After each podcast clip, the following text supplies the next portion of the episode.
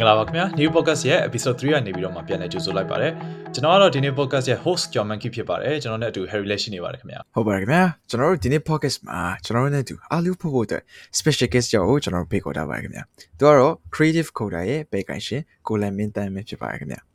မင်္ဂလာပါကိုလည်းမင်းတဲ့ဒီအခုနားထောင်နေပရိသတ်တွေတော့ဗောနော်အာနာမည်နဲ့လက်ရှိလုပ်နေအလုပ်လေးအကြောင်းကိုကျွန်တော်တို့ရဲ့ audience တွေတစ်ချက်မိတ်ဆက်ပေးပါအောင် bro အာ okay အားလုံးမင်္ဂလာပါကျွန်တော်ကတော့ creative coder online course ကအာကိုလည်းမင်းသမီးဖြစ်ပါတယ်ဆိုတော့ကျွန်တော်ဒီအခုလက်ရှိလုပ်ဖြစ်နေတာတွေကတော့ကျွန်တော်တို့ဒီ web developer တယောက်အနေနဲ့ကျွန်တော်လက်ရှိအလုပ်လုပ်ဖြစ်နေပါတယ်ဗျအာပြီးတော့တခါတည်းပဲကျွန်တော်တို့ဘာဆက်လုပ်ဖြစ်နေလဲဆိုတော့ဒီ creative coder page မှာကျွန်တော်တို့အာ learning platform တစ်ခုနဲ့လည်း run ဖြစ်နေပါတယ်ဆိုတော့ကျွန်တော်ကိုယ်တိုင်ပဲစာလည်းတင်တယ်ပြီးတော့ဒီကျွန်တော် team တစ်ခုနဲ့အာ develop လုပ်ပြီးတော့အဲ့ platform ကိုလည်း run နေတာပေါ့ဗျာဟုတ်ကဲ့ဗျ Oh okay so bro က web development နဲ့လုပ်တာပေါ့နော်ဟုတ်ပါတယ်ဗျဟုတ်ဟုတ် bro အဲ့တော့ bro web developer တယောက်ဘယ်လိုဖြစ်လာခဲ့လဲပေါ့နော်အာပြီးတော့ web developer တယောက်ဖြစ်လာရတဲ့ challenge လေးရောကျွန်တော်တို့နည်းနည်းပြောပြပေးပါအောင်ဗျအာ okay ပါဗျ okay ဆိုတော့ကျွန်တော်ဒီ web development line တွေကိုစဝင်လာတာဘယ်လောက်ကလဲဆိုတော့ဒီ first year လောက်ကပေါ့နော် first year လောက်တော့ကကျွန်တော်ကဒီ TTU မှာ IT major စတက်ဖြစ်ခဲ့တယ်ပေါ့ ဆိုတော့ first year တော့ကတော့ဒီတစ်နှစ်လုံးကတော့ ID major မှာပဲဒီတိုင်းရောင်ဝါးနဲ့ပဲအချိန်ကုန်သွားတော့ဗျာဒါပေမဲ့ဒီ second year လောက်မှာစတာပေါ့နော် second year လောက်မှာကျွန်တော်ဒီတငယ်ချင်းတယောက်ရှိတယ်ဆိုတော့အဲ့တငယ်ချင်းကလည်းတစ်ချက်ထူးဆန်းတာသူက MC major ပေါ့နော်။အော်ဆိုတော့အဲ့ MC major ကတငယ်ချင်းနဲ့စတွေ့တယ်။ तू က MC ကို user ယူရတာတကယ်က तू လုံတာဒီ ID ဘန်းက तू ကလုံတာ။ဆိုတော့အဲ့တငယ်ချင်းနဲ့တွေ့ရတဲ့အချိန်မှာအဲ့တငယ်ချင်းကကျွန်တော်ကိုအာဒီ တင်တန်းတစ်ခုတက်ဖို့ဆိုပြီးလာပါပေါ့ဆရာအီမောင်တင်တန်းပေါ့နော်ဒီ professional တင်တန်းဆိုတာ။အော်ဆိုတော့အာအဲ့တင်တန်းတက်ဖို့ခေါ်တော့သွားပြီး join ဖြစ်ခဲ့တယ်ပေါ့။သွား join တဲ့အချိန်မှာတစ်ချက်ရှိတာ तू ကအာအရင်တော့ဟိုလွန်ခဲ့တဲ့၄၅လ6လလောက်ကလေးอ่ะဗောနော်အဲဒီအပိုင်းနဲ့ဝင်လာပြီအဲ့မှာကျွန်တော်ကြတော့ဒါပြုံးစားကြီးအဲ့ web preference နဲ့အတန်းကိုတန်းဝင်သွားတာဗောဆိုတော့ရောက်သွားတဲ့အချိန်မှာဘာအခက်အခဲစားရှိလဲဆိုတော့အဲ့မှာ ဒီစတင်တာတွေအားလုံးကသူတို့ကဘယ်လိုခံမှန်းတာလဲဆိုတော့ basic တွေအားလုံးရပြီသားလို့ခံမှန်းတာရဲ့ဆရာဆိုတော့သင်တဲ့နေရာမှာ bootstrap တို့ပြီး javascript တို့အဲ့လိုတန်းပြီးစတင်အောင်သင်တဲ့အချိန်မှာအာရှင်းပြဘာမှတော့မလိုက်နိုင်ဘူးဗျာဘာမှတော့စစစကျွန်တော်မလိုက်နိုင်ဘူးမလိုက်နိုင်တော့ဒီကျွန်တော်တို့အခေါ်လေးလောက်ပဲကျွန်တော်တို့စပြီးကြားဖို့ခဲ့တယ်အဲကြားဖို့ခဲ့ပြီးတော့ဒီတနန်းပြီးသွားတယ်တနန်းပြီးသွားတဲ့အချိန်မှာအာတည်ရစပြီးရောက်သွားတယ်ပေါ့ဒီကြားထဲမှာတော့ဘာမှအဲ့လောက်ကြီးလောက်ဖြစ်တာတော့မရှိဘူးဒါပေမဲ့ အဲအဲ့မှာစပြီး web development ကိုစဝါသနာပါခဲ့တာပေါ့နော်အစဝါသနာပါခဲ့ပြီးတဲ့အချိန်မှာတည်ရရောက်သွားတဲ့အချိန်မှာဘယ်အချိန်မှာစလုပ်ပြသွားလဲဆိုတော့ဒီ covid ကြောင်းပိတ်တဲ့အချိန်မှာပေါ့နော်ကျွန်တော်တို့ covid ရောက်သွားတဲ့အချိန်မှာအကြောင်းတွေအကုန်ပိတ်သွားတယ်ပိတ်သွားတော့အာအဲ့မှာဘာမှလည်းလုပ်ဆရာမရှိတော့တဲ့အချိန်မှာအိမ်မှာပဲလည်းဖြစ်နေတော့အရင်ကတီးခဲ့တဲ့အဲတင်တန်းတီးခဲ့တဲ့အခေါ်တွေပေါ့နော်အဲခေါ်တွေတစ်ခုချင်းစီကိုကိုယ့်ဘာကိုစပြီးတော့အဲ self study စလုပ်ဖြစ်ခဲ့တာပေါ့ ဆိုတော့ self study စလုပ်ဖြစ်ခဲ့တဲ့အချိန်ကစပြီးမှအာဒီ web development line တွေကိုရောက်လာလို့ပြောလို့ရတယ်ဗျအာ challenge challenge နေနဲ့ပြောရမယ်ဆိုလို့ရှင်တော့ challenge တွေကတော့များတယ်ဗျဘာလို့လဲဆိုတော့ဒီဟိုကျွန်တော်ကပြောခဲ့တဲ့အတိုင်းပဲတင်တန်းကဒီ web development line တွေကိုဝင်တဲ့အချိန်မှာကျွန်တော်ဆရာအီးမောင်စီမှာတက်ခဲ့တယ်တက်ပြီးတော့ကျန်တဲ့အပိုင်းအားလုံးကတော့ကျွန်တော်ကိုယ့်ဘာကိုပဲ self study နဲ့ပဲသွားပြတာဆိုတော့ အာတခုမရဘူးဆိုရင်မိုးလင်းသွားတဲ့ညတွေပြည့်မလားအဲ့ပိုင်းတွေကတော့ bro တည်ရတိုင်းပဲအဲ့လိုလေးတော့ရှိတာပေါ့ဗျာအဲပြီးရင်တခြားဘာ challenge တွေရှိအောင်လဲဆိုတော့အဲနောက်တစ်ချက်ကအိမ်ရပေါ့နော်အိမ်ရလည်းအပြည့်အဝမယုံကြည်သေးတဲ့အချက်လေးလည်းရှိသေးတယ်။ကျွန်တော်ကအာနည်းနည်းအရင်တော့စိုးရတဲ့ပါတော့အိမ်ကတိတ်မယုံဘူးမယုံတော့အဲ့ချိန်မှာကိုယ့်ကိုတင်မှာဒီ line ထဲမှာတနေကုန်ကွန်ပျူတာထိုင်သုံးနေတော့ game ပဲစောင့်နေလားဘာလားညာလားအဲ့လိုမျိုးပေါ့ဗျာပြင်လားအဲ့လိုအကွက်လေးတော့ねတိုင်ပတ်တာလည်းရှိတယ် trust trust panty ဆောက်ကဟုတ်တယ်ဟုတ်တယ် trust panty ဆောက်ရတယ်လို့ပြောမှာပေါ့ဆိုတော့အာတခြားမှန်သွားတာကတော့ကျွန်တော်တို့ဒီအာဒီ line ကိုအဲ့မှာစအဲ့အဲ့ဒီ covid ပြီးသွားခြင်းစပြီးတော့မျက်စိစုံမှိတ်ပြီးဝင်လာတာမှန်သွားတယ်ကျွန်တော်ထင်ပါတယ်ဗျဟုတ်ကဲ့ပါဟုတ်ဟုတ်ကဲ့ဗျ Okay so bro อ่ะဒီ creative culture ဆိုပြီးတော့ခုနအရှိမလည်းပြောခဲ့တယ်ဗောနော်ဒီသင်တန်းလေးလုပ်တယ်ဆိုတော့ အဲ့ဒီဒီ idea လေးကဘယ်ဘလို့ဘလို့ရလာလဲပေါ့နော်ကျွန်တော်ဆက်ဆောက်ဆိုချင်းတွေ့တော့မှလို့ creative coder ဆိုတော့ okay ကျွန်တော်တခြားအရင်ရှေ့မှာလည်းကျွန်တော်အများကြီးတွေ့ဘူးတယ်ပေါ့နော်အဲ့လိုဘာကုတ်တာညာကုတ်တာဆိုပြီးတော့ပြီးတော့နောက်တလားနှစ်လောက်လောက်နေတော့လုံးဝစောစောမျိုးစားပျောက်သွားရှာလို့မရတော့ဆိုတော့ bro ကျတော့ဒီ creative coder ဆိုကျွန်တော်စတွေ့တွေ့ကျွန်တော်ဒီလိုပဲထင်တာပေါ့နော်ဒါပေမဲ့ bro ရဲ့ဒီ YouTube ကိုဝင်ကြည့်လိုက်တော့အာ okay content လေးတွေမစိုး PHP နဲ့ပတ်သက်ပြီးရှင်းပြထားတာတော်တော်လေးနားလည်ရအဆင်ပြေတယ်ပေါ့နော်နောက်ကျတော့တဖြည်းဖြည်းတဖြည်းဖြည်းနဲ့ enlarge ဖြစ်လာပြီခုဆိုလို့ရှိရင်သင်တန်းသားတွေကအများကြီးဖြစ်လာပြီဆိုတော့ဒီဒီ process တခုလုံးဘယ်လိုဘယ်လိုဘယ်လိုမျိုးအကောင့်ထဲစဖော်ခဲ့လဲပေါ့ဆက်စချင်းမှာဒီ creative coder ကိုဒီလောက်ထိသွားနိုင်မယ်လို့ထင်ခဲ့လားဟုတ်ကဲ့ဗျဆိုတော့ဒီ creative coder ကိုစားခဲ့တာပြောရမယ်ဆိုလို့ရှိရင်ကျွန်တော်နည်းနည်းတော့ဟိုပါဖြစ်တယ်ပေါ့ဒီဆုံးဖြတ်ချတာမြန်တယ်လို့ပြောရမှာပေါ့ဘာလို့လဲဆိုတော့ဒီစားလုပ်တဲ့အချိန်တုန်းကအာအခုနပြောတဲ့အချိန်ပဲကျွန်တော်ကိုဗစ်ကာလမှာကိုဗစ်ကာလမှာကျွန်တော်လေးလာနေစေအချိန်မှာပေါ့နော်လေးလာနေစေအချိန်မှာကျွန်တော်က အာကျွန်တော်တငယ်ချင်းတခြားတယောက်ယောက်ကလာပြီးတော့စာတွေပါမေးတာတို့ဒီ development line တွေက border တွေပါတွေကစာလာမေးရတော့ဘာလို့ဆိုလို့ရှိရင်ကျွန်တော်ပြန်ရှင်းပြပြတယ်ပြန်ရှင်းပြပြတယ်ဆိုတော့အဲ့ဒီမှာအဓိကရှင်းပြပြတာတလောကအဲ့ဒီ gap gap အကြောင်းပေါ့နော်တငယ်ချင်းတယောက်ကလာမေးတော့သူ့ကျွန်တော်ရှင်းပြပြတယ်ရှင်းပြပြတော့အဲ့ချိန်မှာအဲ့ game game ရှင်းပြနေတဲ့ဟာကိုကျွန်တော်မာသားရစပြီးကြားတယ်ပေါ့နော်ကြားတော့ကျွန်တော်ကိုစပြီးအဲ့မှာအကြံစပေးတာပေါ့ အာနင်အဲ့လိုမျိုးစတင်တာဝါသနာပါလို့ရှင်ဘာကြောင့်အဲ့လိုမျိုး page တွေပါဖွင့်ပြီးမလုပ်တာလဲအဲလုပ်ကြည့်ပါလားဘာညာအဲ့လိုစပြောတဲ့အချိန်မှာအာကျွန်တော်မှာ idea တော့ရှိတယ်ဒါပေမဲ့မလုပ်ရဲဘူးဗျာစလုပ်တာလားမလုပ်ရဲဘူးအာဒီလိုမျိုးဖွင့်ဖို့တို့အာပြီးတော့ကိုကိုတိုင်း recording လုပ်ဖို့ဒါတွေအဲ့ process တွေအများကြီးကိုကိုတယောက်လည်းလုပ်နိုင်မယ်လည်းမထင်တာမလုပ်ဖြစ်ခဲ့ဘူးဒါပေမဲ့အဲ့လိုပြောတဲ့အချိန်မှာစလုပ်ဖြစ်သွားတယ်ပေါ့အဲ့သူပြောပြီးတဲ့အာညမှာပြောတာပေါ့နော်ညပြောပြီးနောက်နေ့မနက်ကျတော့ ကျွန်တော်တခါနာမည်တန်းစဉ်းစားပြီးသွားတယ်။တန်းစဉ်းစားပြီးတော့အဲ့နေ့အာနေ့လယ်မှာပဲကျွန်တော်တခါရဲ့ page ကိုဖွင့်ပြသွားတယ်။နေ့လယ်မှာ page ဖွင့်နေဖွင့်ပြီးတော့အာ post လေးတစ်ခုလောက်စပြီးယာပြီးတင်လာလိုက်တာပေါ့ဒီ10တန်းပြီးသွားတဲ့အာညီလေးညီမလေးအတွက်သိရမလားအာဒီ programming course လေးစိတ်ဝင်စားလို့ရှင်ဒီလိုမျိုးဖွင့်ပေးဖို့ရှိပါတယ်ဘာညာအဲအစတင်လာနေစပါတော့ဟုတ်တယ်နော်ခါလေကြာရင်ကျွန်တော်အကြာကြီး plan နေရမျိုးသက်ဆိုင်ချက်ချင်းကောက်ထားလုပ်လိုက်တာကပို့ပြီးတော့လုပ်ဖြစ်သွားတာများတယ်နော် အဲပြီးတော့အဲ့လို pro ပြောလို့ဒီ post တွေပါပထမဆုံးတစ်ချိန်စတင်လိုက်ကြတဲ့ကိုကို commit လုပ်ပြီးသားဖြစ်တော့တယ်ငါလုံးမဖြစ်တော့မယ်ငါ post တင်လိုက်ပြီးငါ course လုံးမဖြစ်တော့ရဲဆို motivation ဟုတ်တယ်ဟုတ်တယ် bro so okay so ကျွန်တော် bro ရဲ့ဒီ page မှာလည်းကျွန်တော်တွေ့ပါတော့ bro content တွေလည်းအများကြီးတင်တယ် bro video edit video တွေလည်းလုပ်တယ်ပေါ့နော် so bro ဒီ content creation ဘိုင်းတွေနော်ဒီ video edit တဲ့ဘိုင်းတွေ ပြီးတော့ bro အလုပ်တစ်ဖက်လည်းရှိသေးတယ်ဆိုတော့ bro အဲ့လိုမျိုးပေါ့နော်ဒီ test တွေအကုန်လုံး bro ဘယ်လိုများ manage လုပ်သွားလဲပေါ့နော်อืมစားလောက်ကာလတုန်းကတော့ကျွန်တော်ဒီအကုန်လုံးကိုကျွန်တော်တယောက်တည်းပဲလုပ်တာဗျဒီဒီ video editing ဘိုင်းနေ content creation ဘိုင်းနေဒါတွေအားလုံးကျွန်တော်ရက်တစ်ခုသတ်မှတ်ထားတယ်ဒါပေမဲ့ creative coder မှာတော့ကျွန်တော်စပြီးလောက်ကာစားတုန်းကအဲ consistency တစ်ခုထားတာနေ့တိုင်းပေါ့နော်ဒီ Monday to Sunday နေ့တိုင်းတရက်ကို content တစ်ပုတ်တင်ကိုတင်မယ်ဆိုပြီးတော့အဲ့လိုမျိုးကိုကိုဂရီတစ်ခုပေးရတယ် အာပြီးတော့အချိန်ကျွန်တော်6လလာနေကျွန်တော်ကိုကိုသတ်မှတ်ထားတယ်အဲ6လလုံးကျွန်တော်တင်သွားတယ်ဆိုတော့အာဘယ်လိုတင်လဲဆိုတော့တစ်ပတ်မှာ6ရက်ရှိလို့ဆိုရင်ကျွန်တော်3ရက်ကို sorry တစ်ရက်ချာကိုအာ block တစ်ခု trick တစ်ခု block တစ်ခု trick တစ်ခုအဲ့ပုံစံမျိုးကျွန်တော်သွားတာဗျ။အိုးဆိုတော့အဲ့6လလုံးကျွန်တော်ပါကျွန်တော်သွားတယ်။သွားပြီးတော့ဒီ6လ block တင်တဲ့ဂျားထဲမှာပဲကျွန်တော် course တစ်ခုစဖွင့်ပြတာပေါ့။အာ JavaScript ပေးစလားမသိဘူး။အဲ့အစဖွင့်ပြတာ။အဲ့အစဖွင့်တဲ့အချိန်မှာအာ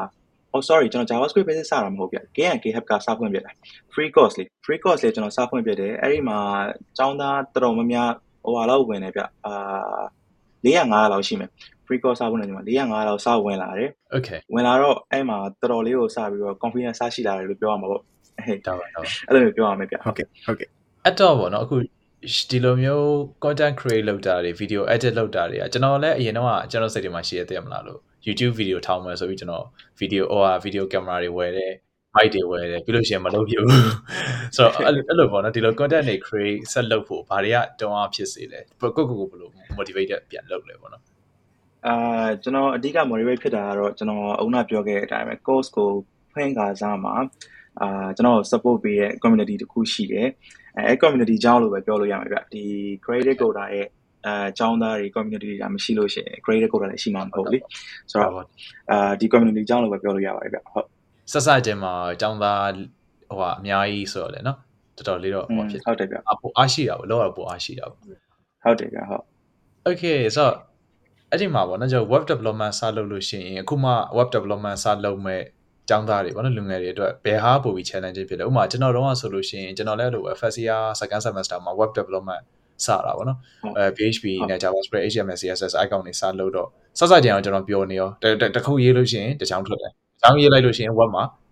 UI တခုထွက်တယ်ဆိုတော့မိုက်တယ်ပေါ့နော်။ဒါပေမဲ့ပြီးလိုက်ပြတဖြည်းဖြည်းတဖြည်းဖြည်းနဲ့ CSS ကလုံးဝအယူဘယ်လိုခေါ်မလဲ။အဲ CSS ကခက်တယ်ဟုတ်တယ် yeah div ကိုစံတာထားခြင်းလဲဆိုကျွန်တော်အခုချိန်ဒီဒါကျွန်တော် experience က၄နှစ်ကျော်ပြီဒီ DPM IDPM မှာ၄နှစ်ကျော်ပြီ professional experience ဒါပေမဲ့အခုချိန်ဒီ div ကိုစံတာထားခြင်းလဲဆိုကျွန်တော်အဲ့ဒါ Google မှာရှာရတော့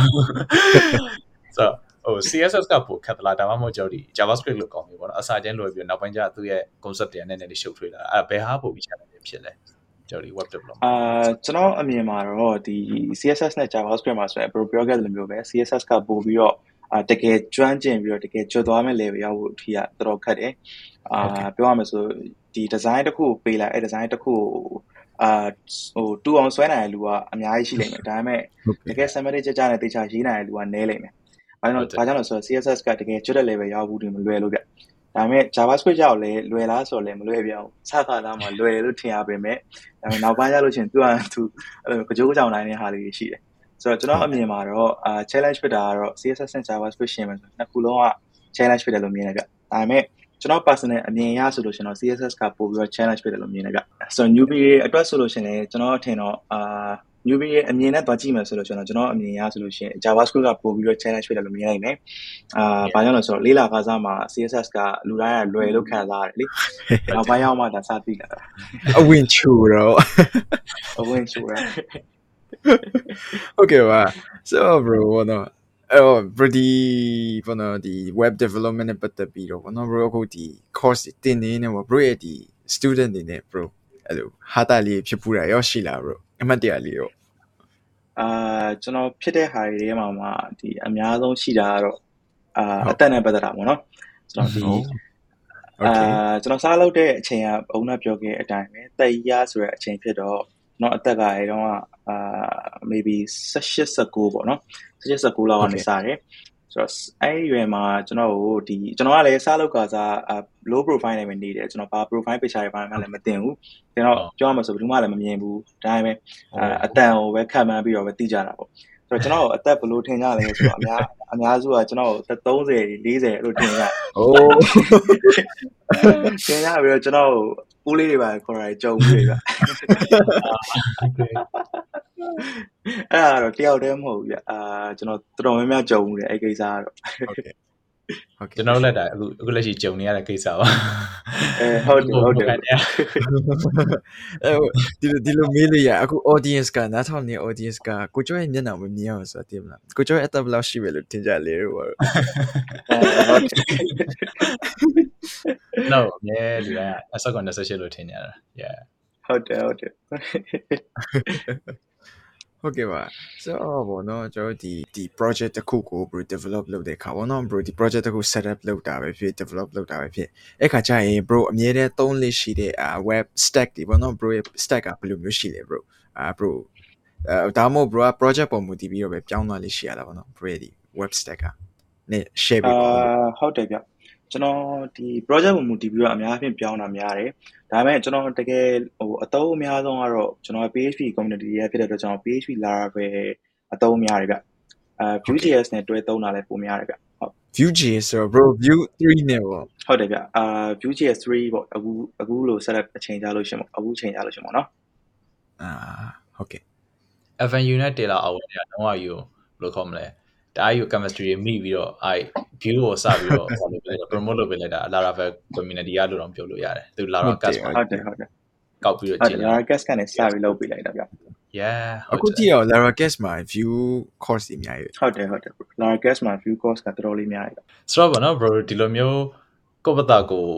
ကုတ်ရေးတယ်ဗောနော်ဒီပြန်ပြီးတော့ပြန် sharing လုပ်တယ်ကုတ်ရေးတယ်အဲ့လိုကနေပြီးတော့မှဒီလိုမျိုး foreign offer ရအောင်ပေါ့နော်ဘယ်လိုသွားခဲ့လဲပေါ့ကျွန်တော်ဒီ portfolio စောက်တဲ့အပိုင်းကိုအားစိုက်တာလားဒါမှမဟုတ်ကိုယ့်ရဲ့ဒီ soft skill hard skill တွေကိုအားစိုက်တာလားပေါ့နော်ဒီဘယ်လိုဘယ်လိုဘယ်လို process တွေရှိခဲ့လဲခြားတယ်မှာဆိုတော့ကျွန်တော်ဒီအပိုင်းပါကြတော့ကျွန်တော်အဓိက focus ထားပြီးအားစိုက်တာ hard skill ပေါ့နော် soft skill ဘိုင်းမှာကျွန်တော်စားလောက်ကစားမှာအားနေလို့ပြောလို့ရတယ်အာပြီးတော့နောက်တစ်ခုကကျွန်တော်စားလောက်ကစားမှာဆက်စချင်းလုပ်တဲ့အလုပ်က foreign company တော့မဟုတ်ဘူးဗျဆက်စချင်းလုပ်တဲ့ company ကကျွန်တော်ဒီဟို ဒီထိုင်းနိုင်ငံမှာရောက်နေတဲ့အကိုတယောက်ရဲ့ startup startup company တခုလို့ပြောလို့ရတယ်ဆိုတော့အဲ့ company တခုမှာကျွန်တော်စပြီးတော့ Vue.js နဲ့ Laravel နဲ့ position နဲ့ကျွန်တော်စဝင်တယ်အဲဒါကျွန်တော်ရဲ့ first job ပေါ့နော်အဲ့မှာစဝင်တယ်အဲအဲ့က remote နဲ့ပဲကျွန်တော်လုပ်တာအိမ်ကနေပဲအဲအဲ့တော့အဲ့ course စီမှာလုပ်ရင်းနဲ့ကျွန်တော်ချိန်ဘယ်လောက်လောက်လုပ်လဲဆိုတော့6လလောက်ထိကျွန်တော်လုပ်တယ်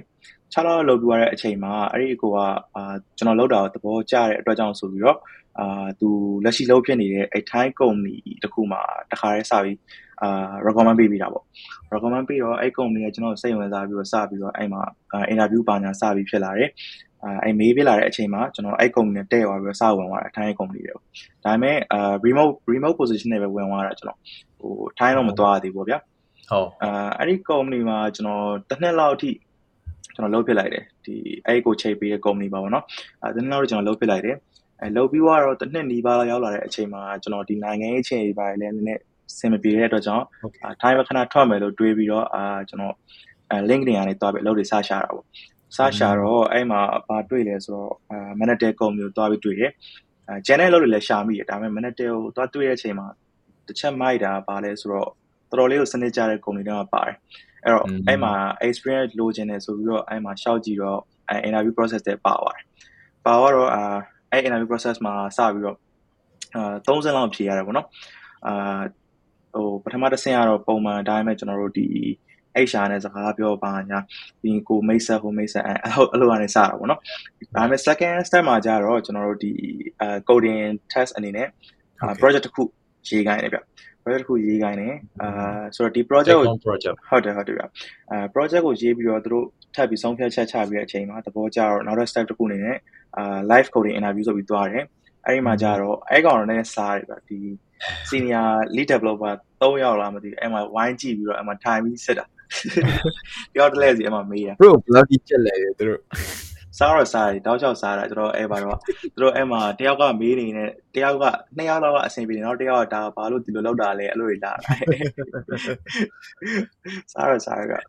ဒါပေမဲ့လေသူတို့အဲ့ဟိုဟာပြီးသွားတဲ့အချိန်မှာအဆင်ပြေသွားတာပဲဗျ อืม technical interview တွေရောအဲ့အဲ့လိုမျိုးသဘောတရားရရှိရเนาะသူကဖြည်းဖြည်းဖြည်းဖြည်းချင်း pressure နဲ့ bro ကြောင်ပို့ပြီးတော့မှ bro ဒီကြောင်ပေးမိနေချင်းဒီမှာ problem ဘယ်လိုရှင်းလဲဆိုပြီးတော့သူကအဲ ဟုတ်တယ်ဟုတ်တယ် Harry လုံးနေကြတယ်ပါ အဲ yeah အဲဒီဘက်မှာလေ technical interview တွေလေအဲ့လိုအဲ့လိုလေးလုပ်လို့ရှိတယ် but yes uh bro ဒီ uh interview တဲ့ process ပေါ့နော် interview ရဲ့ process ပြီးသွားလို့ကျွန်တော်တို့ကဒီ salary salary တွေပေါ့နော် negotiate လုပ်ရတဲ့အချိန်ကျရင်အာကျွန်တော်အဲ mean နေလည်းရှိရဗျအာမင်းကဘယ်လောက်ပေးချင်တာလဲငါကဘယ်လောက်လုပ်ချင်တာလဲဆိုပြီးတော့တယောက်နဲ့တယောက်ပြန်ပြီး mean နေရလို့ရှိတော့ဆိုတော့အဲအဲ့လိုမျိုးအဖြစ်နေတဲ့လူတွေတော့ bro salary negotiation တော့အဲ့လိုအကြံဉာဏ်ပေးချင်တာမျိုးရှိလား bro ဟုတ်ကဲ့ဗျဟုတ်ကဲ့အာဆိုတော့ salary negotiation အပိုင်းနဲ့ပတ်သက်ပြီးတော့အာပထမဆုံးတစ်ချက်သိထားတင်တာကတော့ပြောအာဒီကျွန်တော်တို့ကိုယ့်ရဲ့ word ပေါ့နော်ကိုဘယ်လောက်ထိအာလုံနိုင်လဲဘယ်လောက်တန်လဲဆိုတော့စပြီးသိထားတင်တယ်လို့ကျွန်တော်မြင်တယ်ဗျဟုတ်တယ်အာကိုကဘယ်လောက်လောက်ထိရတင်လဲဆိုတော့သိထားတင်တယ်အဲ့လိုရတာတင်တယ်ဆိုရင် amount တစ်ခုထားပါတော့ဗျအာကျွန်တော်တို့အာဒေါ်လာ1000ဖြစ်ဖြစ်မယ်2000ဖြစ်ဖြစ်မယ်ဆိုတော့အဲ့ amount တစ်ခုသိထားပြီးပြီဆိုလို့ရှိရင် ကိုကအာဒီအလုပ်တစ်ခုရှောက်တယ်အလုပ်တစ်ခုရှောက်တဲ့အချိန်မှာသူတို့က salary ဘယ်လောက်ထိ expected လောက်ထားလဲမေးလာပြီဆိုတဲ့အချိန်မှာကိုကကဲ1000ဖြစ်တယ်ဆိုလို့ရှိရင်အာနည်းနည်းလေးပို့ပြီးတော့ပြောတင်တယ်ဗျကဲထားပါတော့1000ခံမှန်းရတယ်ဆိုရင်1300လောက်နဲ့ကျွန်တော်စပြောတင်တယ်အဲ1300လောက် expected salary ရှိပါတယ်အဲပုံစံမျိုးမှာမှသူတို့က tab negotiate လုပ်တဲ့အချိန်မှာ short ချပလိုက်နိုင်မယ် short ချလိုက်တဲ့အချိန်မှာမှကိုပြောတဲ့ဟာနဲ့ညှိသွားပြီးတော့အာအဆင်ပြေသွားကြတယ်ပေါ့နော်ပြီးနောက်တစ်ချက်အာ တတိထားတင်တာကတော့ ဒီ offer တွေပေါ့နော် offer တွေက အလောက်က bro တည့်ရတိုင်းပဲ ရလာပြီဆိုလို့ရှိရင်နှစ်ခုသုံးခုတစ်ခါကျရင် offer ဝင်လာမျိုးရှိတတ်တယ်ဟုတ်တယ် ဆိုတော့ အဲ့လို ဝင်လာတဲ့အချိန်မှာ ကျွန်တော်တို့အာပထမဆုံး first offer ကိုတစ်ခါတည်းအာလက်မခံတင်ဘူးဗျ။ဘာကြောင့်လဲဆိုတော့ဒီအာတချို့အလုပ်တွေမှာက နည်းနည်းသတိထားတင်တာကိုယ့်ကို အလုပ် ၃ ခု ရှိရဗျာ။၃ ခုမှာတစ်ခုကအာလာစာ အရင်တိုးပေးတာမျိုး ဖြစ်တတ်တယ်။ဒါပေမဲ့လာစာ အရင်တိုးပေးတာရယ် ဆိုပေမဲ့လည်း အဲဘာတစ်ချက်လွတ်သွားလဲဆိုတော့ company ရဲ့အဲ့ဒီ workflow တွေအဲပြီးတော့သူတို့စနစ်တကျသွားတဲ့ဟာတွေအဲ့ဒါတွေမှာအားနည်းရမျိုးရှိနေဆိုလို့ရှိရင်ကိုယ့်တော့ကအများကြီးလောက်ရတဲ့အလုံးမှာဟိုတိုင်ပတ်တာရှိတယ်ဟုတ်ဆိုတယ်တော့ company ရဲ့အာ background ပေါ့နော် background ကိုတေချာကြည့်ရမျိုးတို့အဲပြီးတော့ company ရဲ့တွားနေတဲ့အာ workflow တွေကိုစနစ်တကျတွားလာတို့ဒါတွေကိုတစ်ချက်တေချာကြည့်ပြီးတော့မှစဉ်းစားတင်တယ်လို့ထင်ပါတယ်ဗျဟုတ်ကဲ့ yeah ဆိုတော့ salary negotiation မှာအဲ့လိုဟာလေးတွေကတော့ရှိတယ်ဗောနော် ကျွန်တော်လည်းညှိပြီဆိုလို့ရှိရင်ကိုလိုချင်တာကိုဒူးလောက်တင်မှရင်လောက်ကြဆိုသူတို့မျိုးပေါ့ဟုတ်တယ်ဟုတ်တယ်ကျွန်တော်ဟိုကျွန်တော်ကျွန်တော်လည်းအဲ့လိုပဲဘောနော်ပြောရဲဆိုလို့ရှိရင်တခါလေကျသူသူ့ဘက်က number မင်းကိုဘက်က exact number မပေးဘဲနဲ့သိရမလားသူ့ဘက်ကိုပြန်ပြီးတော့မိကုန်းကိုသူ့ဘက်ကိုပြန်ပို့လိုက်ရတဲ့အခြေအနေမျိုးလေးတဲ့ခါလေးရှိတယ်ဟုတ်တယ်ဟုတ်တယ်ဒီလို tips တွေလည်းတော့ကျွန်တော်တို့ဒီ YouTube မှာ interview အဲဒီ salary negotiation နဲ့ပတ်သက်လို့ tips တွေတော့ကြည့်အဲအဲအောင်ပြောချင်တာများနော်သူကဒီ collagen နဲ့အမောင်း directly ပြောရမှာမဟုတ်ဘဲနဲ့တည်မလား ပြန်ပြီးတော့မေးခွန်းနဲ့ပြန်ဖြေရမျိုး yeah ဟုတ်တယ်ဟုတ်တယ်သူတို့ဘက်က number စပြောတာတော့ safe အဖြစ်ဆုံးပေါ့သူတို့ဘက်က number စပြောတာပုံပုံတီးပြီးတော့မှပြန်ပြန်ပြီးတော့ကိုကိုလိုတဲ့ဘက်ကိုပြန်ဆွဲရမှာပေါ့နော်ဟုတ်ဒါပေမဲ့ခုနကတော့ bro လာမင်းတန်ပြောသားသလိုပဲကိုဘယ်လောက် worth level ဘယ်လောက်ရှိလဲကိုဘယ်လောက်တန်လဲတော့နည်းနည်းတွက်ထားဖို့လိုတယ်ပေါ့ဟုတ်တယ်ဟုတ်တယ်ဗျဟုတ်တယ်ဗျဒါပေမဲ့ကိုယ့်ဘက်ကနေဝါလည်းမကောင်းကိုယ့်ဘက်ကများဝါလည်းမကောင်း Okay ပါ ဆိုတော့ bro အခုပေါ့နော်ဒီ time မှာသွားပြီးအလုပ်လုပ်တဲ့ခါကျတော့ကျွန်တော်တို့ဒီမြန်မာနာမည်ကိုထိုင်းနေရအောင်လို့ထွက်တဲ့ချိန်ကြလို့ရှိရင် pronounce လုပ်တဲ့ချိန်ကြရင်နည်းနည်းအခက်အခဲဖြစ်တာမျိုးလေးရှိတာဥပမာကျွန်တော်ဆိုလို့ရှိရင်ကျွန်တော်အဲ့လိုဂျပန်နေနဲ့စကားပြောတော့သူတို့ကကျွန်တော် kyak လို့ခေါ်တယ်ကြော်မထွက်နိုင်တော့ kyak တပည့်ပြည့်နဲ့ကျွန်တော်ပြောတယ်မဟုတ် not not kyak ပေါ့နော်ကြော်ဆိုတာက George George တို့ဂျွန်တို့နဲ့နည်းနည်းအတိတ်ပဲအတန်ထက်သွားဆင်တယ်ပေါ့ကြော်ဆိုတော့တပည့်ပြည့်သူတို့ကဟုတ်လားကြော်ဖြစ်လာ အဲ့အဲ့ဒီမှာပြကြော်ဖြစ်လာသူကတော့ဆန်တက်ခေါ်တော့ကြော်ဆန်းကြော်ဆန်းဆိုနောက်နောက်ဆုံးကျွန်တော်နာမည်ကိုကြော်ဆန်းနေပါပြီဖြစ်ကုန်ဘရိုမော်လို့အာကျွန်တော်စပြီးတော့ဒီအခုနပြောခဲ့တဲ့အတိုင်းပဲကျွန်တော်အာပထမဆုံး Thai company မှာသွားပြီးချိန်မိတဲ့အချိန်မှာအာကျွန်တော်ရဲ့နာမည်ကိုအလှိုင်မင်းတန်းဆိုတဲ့နာမည်မထားသင့်ဘူးဆိုပြီးတော့အဲ့ bro ကျွန်တော်ချိန်ပြီးတဲ့အာ recommend ပေးရ bro ကတခါတည်းပြောပြပေးတာတယ်ဆိုတော့ကျွန်တော်ကကျွန်တော်ဒီတခြားနာမည်တစ်ခုရှိရ Pfizer ဆိုတဲ့နာမည်ကိုထည့်သုံးပါတယ်အဲဆိုတော့ထည့်သုံးရတော့အဲ့နာမည်ပိုင်းနဲ့ပတ်သက်ပြီးတော့အခက်အခဲတော့မရှိပါဘူးဗျကျွန်တော် Pfizer ဆိုတဲ့နာမည်ကိုအာပြီးပြီးတော့ပဲခေါ်နိုင်နေခေါ်နိုင်ကြတယ်ဗျတော်သေးရောတော့ကြာလှိရိုင်းနေပါဖြစ်နေတဲ့ဒုက္ခဟမ်ကျွန်တော်မှကျတော့အဲ့လိုဟာလေးတစ်ခုရှိရပါတော့ကျွန်တော်ဘယ်လိုခေါ်မလဲသူတို့ရဲ့ comment မှာကျွန်တော်လုပ်ချင်တာပါတော့မင်္ဂလာနဲ့အဲ့လိုတွဲလုပ်ချင်တယ်ဆိုလို့ရှိရင်မင်္ဂလာနာမည်ကို ခေါ်ခေါ်နိုင်အောင်ရင်စူးစမ်းအောင်မယ်ဆိုတော့ဟုတ်တယ်ဟုတ်တယ်အဲဒါကြောင့်ကျွန်တော်မှအခုချိန်ဒီအင်္ဂလိပ်နာမည်မရှိသေးဘူးကျွန်တော်အင်္ဂလိပ်နာမည်ရှိလားဆိုမရှိဘူး you can call me Joe you can call me Joe the monkey people know me as Joe the monkey ကျွန်တော်အဲ့လိုပဲပြောတယ်ပေါ့နော်အဓိကတော့ဟုတ် bro ဘယ်လိုခေါ်မလဲကိုယ့်ကာချာကိုလည်းနည်းနည်း promote လုပ်ချင်တယ်နောက်ဥပမာကျွန်တော်တို့ Portuguese လူမျိုးတို့ French တို့ဆိုလို့ရှိရင်သူတို့ရဲ့နာမည်ကိုကျွန်တော်တို့ထွက်ကားတယ်အဲ့လိုမျိုးပဲကျွန်တော်နဲ့အဲ့လိုတွဲလုပ်ချင်တယ်ဆိုလို့ရှိရင်မင်္ဂလာနာမည်တော့ထွက်တောင်ထွက်မှရမယ်မျိုးသားမင်းပြီးပြီးမပြီးပြီးထွက်တောင်ထွက်ပါဟုတ်တယ်ကျွန်တော်လိုလေးတော့လုပ်ထားတာရှိ yeah ကောင်းတယ်ကောင်းတယ် bro ဒီမှာတော့နာမည်နှစ်ခုနဲ့ yeah Okay ပါဆိုတော့ဘောနော် bro လိုင်မီတန်အနေနဲ့ပေါ့ကျွန်တော်ဒီ Thai ရဲ့ IT industry မှာ bro လုပ်ခဲ့ပူတဲ့ experience အရာဆိုရင်ပေါ့နော် Thai ရဲ့ IT IT industry ကဘယ်လိုပုံစံမျိုးရှိရလဲ bro မြင်နေဗျအာသူသူ့ဘော bro ရဲ့အမြင်ပေါ့နော်အာ okay ဆိုတော့ Thai မှာဆိုလို့ရှိရင် Thai တနိုင်ငံလုံးကရှင်းလိုက်လို့ရှိရင်အာအတိုးတက်ဆုံးတော့ Bangkok ပေါ့နော်အဲ Bangkok မှာကျွန်တော်တို့ဒီ ID ဘိုင်းကတော်တော်လေးကိုတော်တော်လေးကိုအာပေါ်တယ်ဆိုတော့တနိုင်ငံလုံးနှိပါရှင်းရှင်းပြောလို့ရှိရင် ID ကိုတော်တော်တွင်ကြီးသုံးတဲ့နေရာတွေမှာပါတယ်ဗျအာကျွန်တော်ဘယ်နေရာတော့တော့နောက်ဆုံးဒီစားတော့ဆိုင်အသေးစားလေးတစ်ခုသွားရင်တော့မှအနည်းဆုံးသူတို့ဘာလုပ်ထားကြလဲဆိုတော့ဒီ QR code မျိုးနဲ့အဲဒီ wine မှာဇပွဲတို့ကိုမထားတော့ဘဲနဲ့ QR code ပေးရတယ်အဲ QR code scan back website တွေဝင်သွားတယ် order မှာအဲ့ပုံစံမျိုးသွားကြတာမျိုးရှိတယ်ဆိုတော့အာကျွန်တော်မြင်ရတော့တော်တော်လေးကိုတိုးတက်တယ်တော်တော်လေးကိုအာတနည်းကျသုံးနိုင်လို့မြင်တယ်ဆိုတော့ အာတော်တော်လေးမိုက်ပါတယ်ဗျဟုတ်ဟုတ်ကဲ့အဲ့နော်ဟိုနိုင်ငံတနိုင်ငံလုံးအနေနဲ့ IT ကိုကောင်းကောင်းလေးအသုံးချရတဲ့နိုင်ငံမျိုးကြီးကျွန်တော်ဒီ product အသစ်တွေ approach လုပ်ရမျိုးကြောင့်ပို့ပြီးတော့ထိရောက်တော့ဗောနော်ကျွန်တော်ဒီမှာကျွန်တော် ID ကိုအရင်တွင်တွင်ကြကြမသုံးနိုင်တဲ့ကျွန်တော် product တစ်ခုလုံးလိုက်ရင်တော့အဲ့ဒါက luxury product တစ်ခုတတာပဲကျန်ခဲ့တယ်မလားတိတ်မသုံးချရဟုတ်တယ်ဗျဟုတ်ကဲ့ဆိုတော့ဗောနော်အာ okay ဆိုတော့ကျွန်တော်ဒီ Burmese engineer တွေကိုသူတို့ Thai နေ impression ဘယ်လိုမျိုး first impression တွေရှိလဲရှိလဲ bro အာကျွန်တော်မြန်မာမြန်မာ engineer တယောက်ပါဆိုပြီးမိတ်ဆက်လိုက်ရောဗျာ Okay bro ဆိုတော့အာပထမဆုံးကျွန်တော်ဒီတတိထားမိသလောက်ကတော့ဒီခဏခဏကြုံဘူးတာပေါ့နော်ဟုတ်ကဲ့အာ first impression အနေနဲ့ကျွန်တော်မြင်ဘူးသလောက်ကတော့အားလုံးကဒီမြန်မာလူမျိုးဆိုလို့ရှိရင်အာ scale ကောင်းတယ်စူးစမ်းတယ်အာပြီးတော့ချိုးရဆိုလို့ရှိရင်အာကျွန်တော်ပုံမှန်လင်းပြပြရမျိုးတွေဆိုကြုံမှုတယ်တခြား foreigner တွေထက်တွေပါအာ scale ကောင်းကြတယ်ဒါပေမဲ့အာ သူတို့အားဟိုဘယ်လိုပြောမလဲအန်အော်ရာတစ်ခုကြတော့ပါလဲဆိုတော့အခြားနိုင်ငံတွေကလိုမျိုးအဲ့လောက်ကြီး scale မကောင်းပေမဲ့လည်းအာထုံးထုံးပပောင်မဖြစ်ကြဘူးထုံးထုံးပပောင်မဖြစ်ကြဘဲနဲ့အာဘယ်လိုပြောမလဲကျွန်တော်တို့ဒီနာမည်တစ်ခုအဲ့လိုမျိုးကြီးွားပြီးတော့ကြံခဲ့တာမျိုးရှားတယ်ဆိုတော့ဘာကြောင့်အဲ့လိုမျိုးကြံခဲ့ရလဲဆိုတော့ question မျိုးခဏခဏမေးရတော့ကြုံရတယ်ဗျအာတကယ် loss scale ရှိရက်ကနေဟိုဘာကြောင့်ထုံးထုံးပပောင်အဲ့လိုမျိုးနာမည်မကြီးဘဲနဲ့အဲ့လိုဖြစ်ရလဲပေါ့နော်အဲ့လိုမျိုးတွေမေးရတော့ကြုံခံဦးရဗျဟုတ်တယ်နော်ကျွန်တော်ကျွန်တော်အမြင်ကတော့ အာဒီဒီဒီမြန်မာနိုင်ငံလူတွေကြားပေါ့နော်အာဟုတ်ကဲ့ bro ဘယ်လိုပြောရမလဲအရန်မ share တာကြောင့်လည်းမြင်တယ်ဗျဟိုတချို့ကြတော့မမလုပ်ရဲတာတို့ဘာလို့အဲ့ရနေစပြီးတော့ဟိုတကယ် scale ရှိတဲ့လူတွေကလည်း low profile ပဲ low profile နဲ့ပဲနေကြတယ်ဗျဆိုတော့တခြားလူတွေရှင်းလိုက်လို့ရှင်အဲ့လိုနာမည်တစ်ခုအနေနဲ့ထွက်လာပြီးတော့မရှိဘူးအဲ့အကြောင်းလို့ပဲမြင်ပါတယ်အဓိကကတော့ကျွန်တော်တို့နာမည်တစ်ခုထွက်တယ်ဆိုတာဘယ်လိုပြောရမလဲ community ကိုတိုးရအောင် အေးရ yeah ဟုတ်တယ်ဒီဗျတယောက်ကိုကျန်တဲ့လူတွေအများကြီးကသိတယ်ဆိုတော့အဲ့ဒီလူရဲ့ကြိုးပမ်းအားထုတ်မှုအဲ့လိုရဲ့ contribution ကတခြားလူတွေအပေါ်မှာအကျိုးသက်ရောက်မှာဒါကျန်တဲ့လူတွေကဒီလိုသိတာဟုတ်မဟုတ်ဘဲနဲ့သူ့ဘာသူတိုင်းတော်နေုံနဲ့သူတို့ဘာမှအကျိုးမပြုလို့ရှိရင်ဟိုသိဖို့ဆိုတော့ဟိုနာမည်မှတ်မိနေဖို့ဆိုတာခဲနေပေါ့နော်အခုကျွန်တော်ခုနပြောသလိုမျိုး Taylor Aware ဆိုကျွန်တော်သိပြီဘာလို့လဲဆိုတော့သူက Laravel ဆိုတဲ့ framework ကိုထောင်လိုက်တယ်ဒီကဘာပေါ်မှာ Laravel user တွေအများကြီးပဲ Avenue ဆိုလို့ရှိရင် Vue.js ကိုလုပ်လိုက်တယ်ဟာလာလူတိုင်းသိသွားပြီသူ အဲ့လိုမျိုးပေါ့နော် open source project တွေမှာလည်းကျွန်တော် contribute လုပ်တာကျွန်တော်အမြင်ပြောလို့ရှိရင်အခုချိန်ထိကိုတော်တော်နည်းသေးတယ် open source ဆိုလို့ရှိရင်လည်းလူပြပြအကြီးတွေလိုက်ပြီးတော့ contribute ရမယ်လို့ထင်တာတကယ်တကယ်အဲ့လို readme လေး update လုပ်ပေးတာ spelling လေး check တာဒါလည်း open source ကို contribute လုပ်တာဒါပေမဲ့ဒီမှာကျတော့ open source contribute လုပ်တဲ့ rate ကလည်းကျွန်တော်အမြင်ပြောရင်တော်တော်လေးနည်းသေးတယ်တော်တော်လေးနည်းတယ်ဗျဟုတ်တယ်ဆိုတော့ဒါတွေလည်းပါပါနော်ဟုတ်တယ်ဟုတ်တယ်အဲ့ဒါအကြောင်းလည်းသတိမထားမိရလို့ထင်တယ်ဗျအဲ့တော့ဆိုတော့ဟိုစစတွေ့သွားတဲ့ အာလူတွေအနေနဲ့ဒီတခြား foreigner တွေအမြင်နဲ့ဆိုလို့ရှိရင်တော်တော်လေးအံ့ဩကြတယ်မဆန်းဘူးဗျဟုတ်တယ်ကျွန်တော်ဆိုရင်ပေါ့နော် Twitter ပေါ်မှာတွေ့ရလို့ in in India ဘက်က follower 45k တွေပါလေနဲ့လာတာဘယ်လိုမျိုးပါအသက်က20 22နှစ်ပဲရှိသေးတယ် Microsoft brand ambassador တို့ဒီ GitHub daily က organizer တို့ပါတော့အဲ့လိုမျိုးတွေ ဆိုတော့သူတို့ဆိုလို့ရှိရင်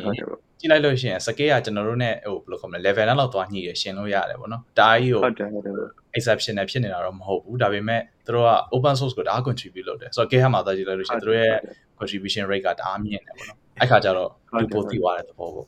yeah ဟုတ်တယ်ဟုတ်တယ်ဗျပြီးတော့ဒီမှာကလည်းဒီအသက်အရွယ်နဲ့ပတ်သက်ပြီးတော့တချို့အာအဲ့လိုမျိုး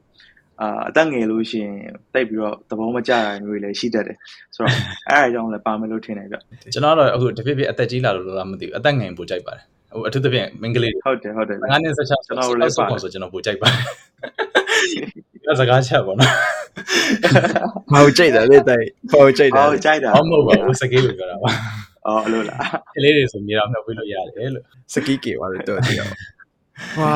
อืมအဲ့ကျွန်တော်နော်ဘယ်လိုပြောရမလဲကျွန်တော်ဒီမြန်မာ industry မှာတကယ်တည်းအခု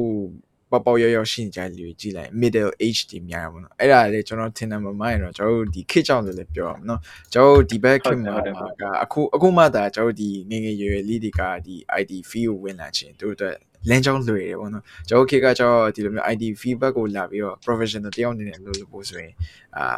obstacle အများကြီးပဲလို့ပြောလို့ရတယ်နော်ကျွန်တော် language barrier လည်းရှိတယ် ဟုတ်တယ်အခုခေတ်လိုမျိုးတင်းနှန်းနေလဲပေါ်ပေါ်တီတီမရှိဘူးဗျာဟိုဘက်နဲ့ဒီဘက်နဲ့အတင်မှာကဘာကြီးချားနေသလိုမျိုးဟုတ်တယ်လုံးဝကြီးပဲဒီဘက် ID အချမ်းကြီးကလုံးဝ obstacle ဖြစ်နေတာဘာမှမမြင်အောင်ကျွန်တော်ဒီဘက်ဟို ID မဟုတ်တဲ့ဘက်အချမ်းလှမ်းကြည့်လိုက်လို့ရှိရင်အဲ့ထဲကိုလက်လေးထိုးကြည့်လိုက်ခေါင်းလေးတုံးဝင်ကြည့်လိုက်ပြီးတော့မှတဖြည်းဖြည်းအဲ့လိုဝင်လာတဲ့ပုံစံမျိုးကျွန်တော်ဆိုလို့ရှိရင်ဗျာအရင်တော့ကဗာလဲလွယ်ကူလေးလာ Android phone အသုံးပြုနည်းပညာဆိုတာနာမည်ကိုကျွန်တော်မှတ်မိတယ် ညံကျွယ်ဆိုပြီးတော့ထုတ်တာအမှန်တကယ်တော့ဘာမှမဟုတ်ဘူးเนาะ Fiverr နဲ့အဲ့လိုနိုင်ငံခြားဖုန်းခေါ်ပါညာပြီးကွာအဲ့လို application ကို Play Store ကနေ download ဆွဲပြီးတော့သုံးတာပဲအဲ့ဒါကိုမှ तू ကစာအုပ်ထုတ်တာကို3600ပေးပြီးတော့ကျွန်တော်ဝယ်ဘူးတယ် like maybe 2012 13 I win ကျွန်တော်ကထွက်တာ စတော့လည်းတူတူပဲဗျအဲ iOS အသုံးပြုနေရောပါတော့ အဲ yeah ပြီးတော့စာအုပ်တော့မှာအခွေလေးပါတယ်လေ application တွေအခွေလေးနဲ့ အဲဟုတ်တယ် အခုကျတော့တအားလွယ်သွားပြီပေါ့နော်ကျွန်တော်ဒီမှာ community တွေအများကြီးပဲသိပ္ပံ hack ရှိတယ် D-twin ရှိတယ်လက်တွေ့ရှိတယ် hackathon တွေအများကြီးကျင်းပတယ်ကျွန်တော် code lab တွေရှိတယ် win join လို့ရတယ် scratch နဲ့စာသင်တာရှိတယ် python နဲ့သင်တာရှိတယ် coding လုပ်ချင်တယ်ဆိုလို့ရှိရင်ကျွန်တော်ဒီဘက်မှာ land နေတာကျွန်တော်ခေတ်ကတဲ့ဆိုင်ပေါ့နော်အများကြီးကို ဟို open ဖြစ်သွားပြီအများကြီး land ပွင့်သွားပြီလို့ပြောလို့ရတယ်ပေါ့နော်ဟုတ်တယ်ဗျဒါလည်းကောင်းတဲ့ချက်ဆိုတော့ဒီကျွန်တော်တို့ရဲ့ဒီ local talents တွေပေါ့နော်ခုနကပြောသလိုမျိုး younger generation တွေရှိမယ်နောက်ကျွန်တော်တို့အခုဒီတက်ရွယ်တန်းထဲမှာရှိမယ်နောက်တချို့ဒီ IT လောကတွေအခုမှဒီ industry ရစဝင်လာတဲ့လူတွေရှိမယ်အဲ့လိုကျွန်တော်ဒီ local talent တွေအနေနဲ့ဘယ်အရာတွေကိုကျွန်တော်ပို့ပြီးတော့ improve လုပ်သင့်တယ်လို့ထင်တယ်ဥပမာ soft skill လား hard skill လားပေါ့နော်အဲ့အဲ့နှစ်ခုမှာဘယ်ဟာပို့ပြီးတော့ကျွန်တော်တို့အတွက်အားနည်းနေတယ်လို့အာကျွန်တော်အမြင်မှာတော့ဒီ developer တော်တော်များများကျွန်တော်ကိုယ်တိုင်အပေါင်းပေါ့နော် အာအလုပ်ဝင်ကစားမှာ soft skill ကိုပို့ပြီးအားနေလို့မြင်တယ်ဗျအာဘာကြောင့်လဲဆိုတော့ communication အပိုင်းနေအာပြီးတော့ team work နဲ့လုပ်ရတဲ့ဟာတွေပြီးနောက်တစ်ချက်ကဒီ foreign company နဲ့လုပ်လို့ရှိရင် emotion နဲ့အပိုင်းလည်းရှိတယ်။ဘာလို့လဲဆိုတော့ culture မတူတဲ့ပုံမှာဘာတွေရှိလဲဆိုတော့ကျွန်တော်တို့တစ်ခါကြုံလို့လည်းပြောပြမယ်ဗျ။ဟုတ်ကဲ့အာဒီ emoji emoji သုံးတဲ့အပိုင်းတွေပေါ့နော် emoji သုံးတဲ့အပိုင်းမှာကျွန်တော်တို့ဒီတစ်ခါကအဲထားပါတော့ကျွန်တော်တိတ်အရင်တော့မှတ်ပြီးတော့ pull request review လုပ်တဲ့အပိုင်းလားမသိဘူးဟုတ်ကဲ့အာအဲ့ဒီပိုင်းမှာကျွန်တော်က အာ review လုပ်ပြီးတဲ့အချိန်မှာ emoji တစ်ခုသုံးလိုက်တယ်အဲ့ဒီ emoji ကဘယ်လိုမျိုးလေးလဲဆိုတော့ဒီအာရီနေပြီးတော့အာညရည်ကြတဲ့ပုံစံမျိုးအော်လေးပေါ့နော် okay အဲ့ emoji သုံးလိုက်တယ်သုံးလိုက်တဲ့ဟာကိုကျွန်တော်ကကျွန်တော်တုံးလိုက်တဲ့ feeling တော့ကတော့ဘယ်လိုမျိုး feeling နဲ့တုံးလိုက်လဲဆိုတော့ဟောကိုမှားသွားလို့တင်မှာအဲဟို fake smile ပေါ့ဗျာဘာအဲ့ပုံစံ feeling နဲ့တုံးလိုက်တယ်ဒါပေမဲ့သူတို့ဘက်ကအမြင်မှာကျတော့လှောင်တယ်လို့မြင်သွားပြီးမေးရောအဲ့မှာအဲ့လိုမျိုးကြုံခဲ့ဘူးလေဗျဆိုတော့ communication ဘိုင်းမှာတော်တော်လေးကိုသတိထားရတယ်ဆိုတော့အဲ့မှာ ဟိုစမှတ်သွားတယ်ပေါ့နော်အဲ့ဒါပထမဆုံး experience ပဲဆိုတော့ soft skill ကိုပို့ပြီး aside တင်တယ်လို့မေးတယ်ဒီခါလေးကျရင်ကျွန်တော်ကဒီသူတို့သူတို့တင်မလား smiley face လေးနဲ့တော့ရည်နေ emoji လေးတုံးတယ်ကျွန်တော်မြန်မာမှာကျတော့အဲ့ smiley face ကတင်မလားမပြုံးချင်ပဲပြုံးနေ fake smile မှာတုံးတာမျိုးအဲဟုတ်တယ်ဟုတ်တယ်အခုချိန်လေးအဲ့လိုကျွန်တော်ဒီ message ပို့လို့ရိုးရိုး smile လေးတွေတုံးကျွန်တော်စိတ်ထဲမှာလိမ်ပြီးတော့ရည်နေတယ်ဆို အဲ့ရကလုံးဝမှတ်လိုက်တာလုံးဝနောက်ဆိုစကားတော့ emoji ရှာလို့လည်းမသုံးတော့ဆိုပြီးလုံးဝမသုံးရတော့ဒီကနေ့ဟုတ်ပါ okay အဲ့လိုမျိုးဖြစ်သွားတာပေါ့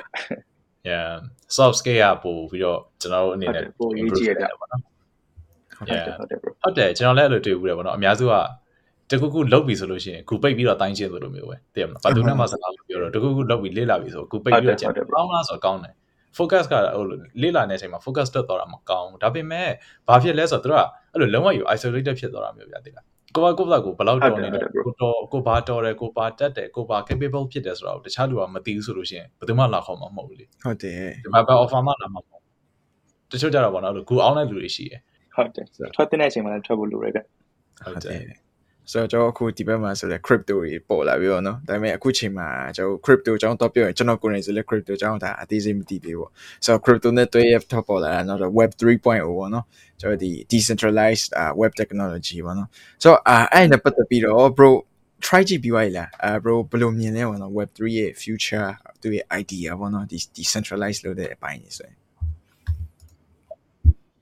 ဟုတ်ကဲ့ပါဗျ။အာ ကျွန်တော် ဒီ Web3 နဲ့ ပတ်သက်ပြီးတော့ ကျွန်တော် အာ ရှာဖတ်တာလောက်ပဲ ရှိသေးတယ်။ဒါပေမဲ့ ကိုကိုယ်တိုင် ဝင်ပြီးတော့ လေ့လာဖို့အထိတော့ မရောက်သေးဘူး။ဒါပေမဲ့ ကျွန်တော်အမြင်မှာတော့ အာ တော်တော်လေးကို ရေပန်းစားလာမယ်လို့ မြင်တယ်ဗျ။အာ ဘာကြောင့်လဲဆိုတော့ အဓိက အချက်တွေက အာ Web3 မှာ အဓိကအပြောင်းလဲသွားမှာတော့ security ဘိုင်းပေါ့နော်။ဆိုတော့ ကို